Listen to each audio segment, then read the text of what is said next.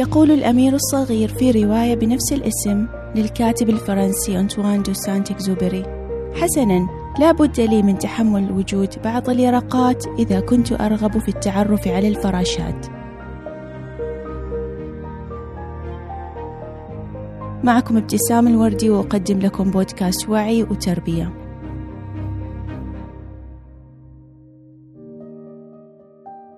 الصداقات مهمة للأفراد بغض النظر عن العمر فبها نتشارك همومنا وأفراحنا ونتعلم من بعضنا البعض ونأخذ من أصدقائنا النصائح وبالمقابل نشاركهم أفكارنا ونصائحنا. والأصحاب مهمين للأبناء نفس الشيء وبمختلف مراحل الدراسة فهم يساعدون على تطوير حس الانتماء لدى الأبناء ويعملون على تحسين ثقتهم بأنفسهم وتطوير نضجهم العاطفي ويتشاركون الذكريات الطيبة. هناك مثلا دراسة في المجلة البريطانية لعلم النفس على 409 طالب وطالبة تتراوح أعمارهم بين السن الحادية عشر والتاسعة عشر. تقول بأنه يمكن للصداقات الصحية أن تساعد الأبناء اللي من بيئات محرومة اقتصاديا واجتماعيا على مواجهة التحديات المختلفة. ويمكن لهذه الصداقات أن تمنحهم القدرة على تخطي أصعب الظروف. لكن بالمقابل علينا الحذر إذا وجدنا أبناءنا في الضفة المقابلة من الصداقة. ضفة الصداقات غير الصحية وهي موجودة ومنتشرة وتأثيرها قاس عليهم.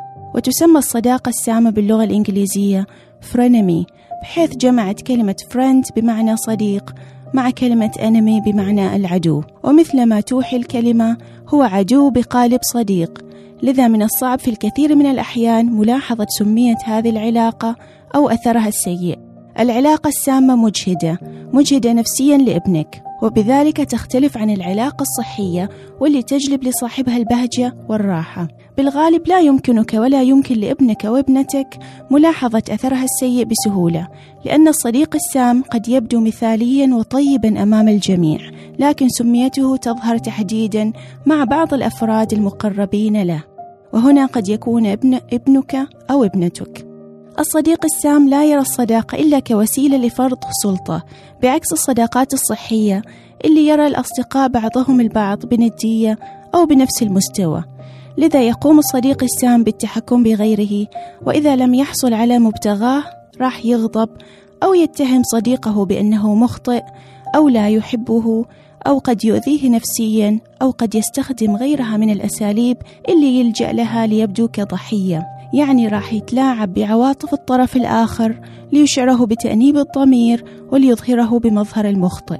الصديق السام عنده شعور بالضعف أو قلة ثقة بالنفس لذا إيذاء من اختاره كصديق راح يشعره ببعض القوة اللي افتقدها. وقد يستغل الشخص السام صديقه لإنجاز مهامه أو للوصول لمبتغاه. مثلا يطلب من صاحبه أن يغششه بالاختبارات أو يطلب منه السرقة أو إيذاء الغير أو الابتعاد عن باقي الأصحاب.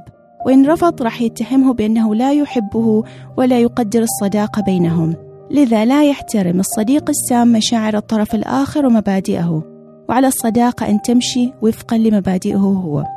وقد يكون الصديق السام عصبي وكثير الانفعال ومزاجي نفس الشيء بحيث لا يمكن التنبؤ بردات فعله. ويستخدم الشخص السام أسلوب التجاهل أحيانا كثيرة إذا كان متضايق من صديقه فبدلا من أن يتحدث بشكل مباشر عما يضايقه ويبحث عن حل له فإنه يعامل صديقه بفوقية وتجاهل ليحصل منه على الاعتذار حتى لو كان هو المخطئ. وقد يشعر الشخص السام بالغيرة من صديقه بدلا من أن يفرح بمنجزاته مثلا ويمكن أن يقوم الصديق السام بالتنمر على صاحبه وكل ذلك لأسباب واهية مثل أن يقول أنا أعرف مصلحتك وأنت صديقي لذا ما بيننا وأنا أمزح كتبريره لتنمره إذا كيف تساعد ابنك أو ابنتك إذا كانوا يعانوا من صداقة سامة؟ أول شيء من المهم أن علاقتك مع أولادك تكون طيبة بحيث أنك تحدثهم دائما وتسألهم عن أحوالهم وتقضي وقتا معهم. غيابك عنهم وعدم اهتمامك بهم وبتفاصيل حياتهم اليومية راح يشكل فجوة بينكم تمنعهم لاحقا من الفضفضة لك إذا واجهوا أي مشكلة.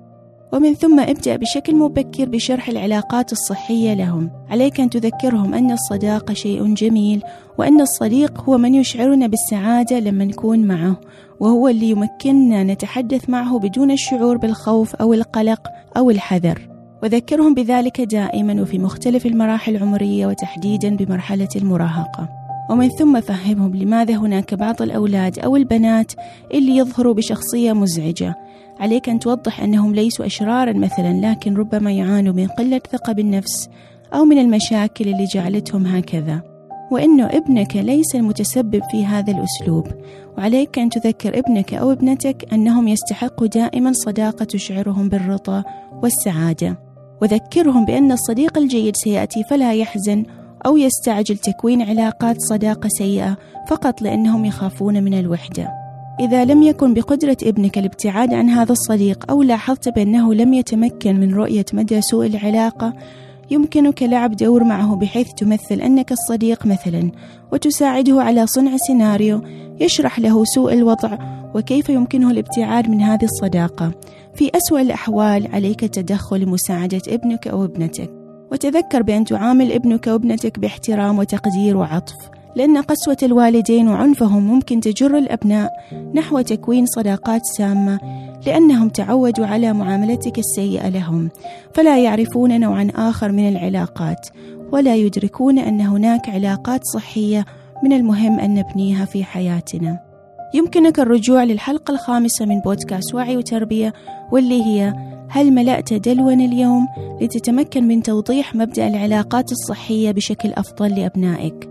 ومن المهم أن أذكر أن العلاقات السامة غير محصورة بعلاقات الأبناء بأصحابهم بل من الممكن أن تستمر معهم بالمستقبل بحيث تتزوج ابنتك مثلا من زوج يؤذيها لكنها لا تعي ذلك لأنها العلاقة الوحيدة اللي عرفتها منذ الطفولة.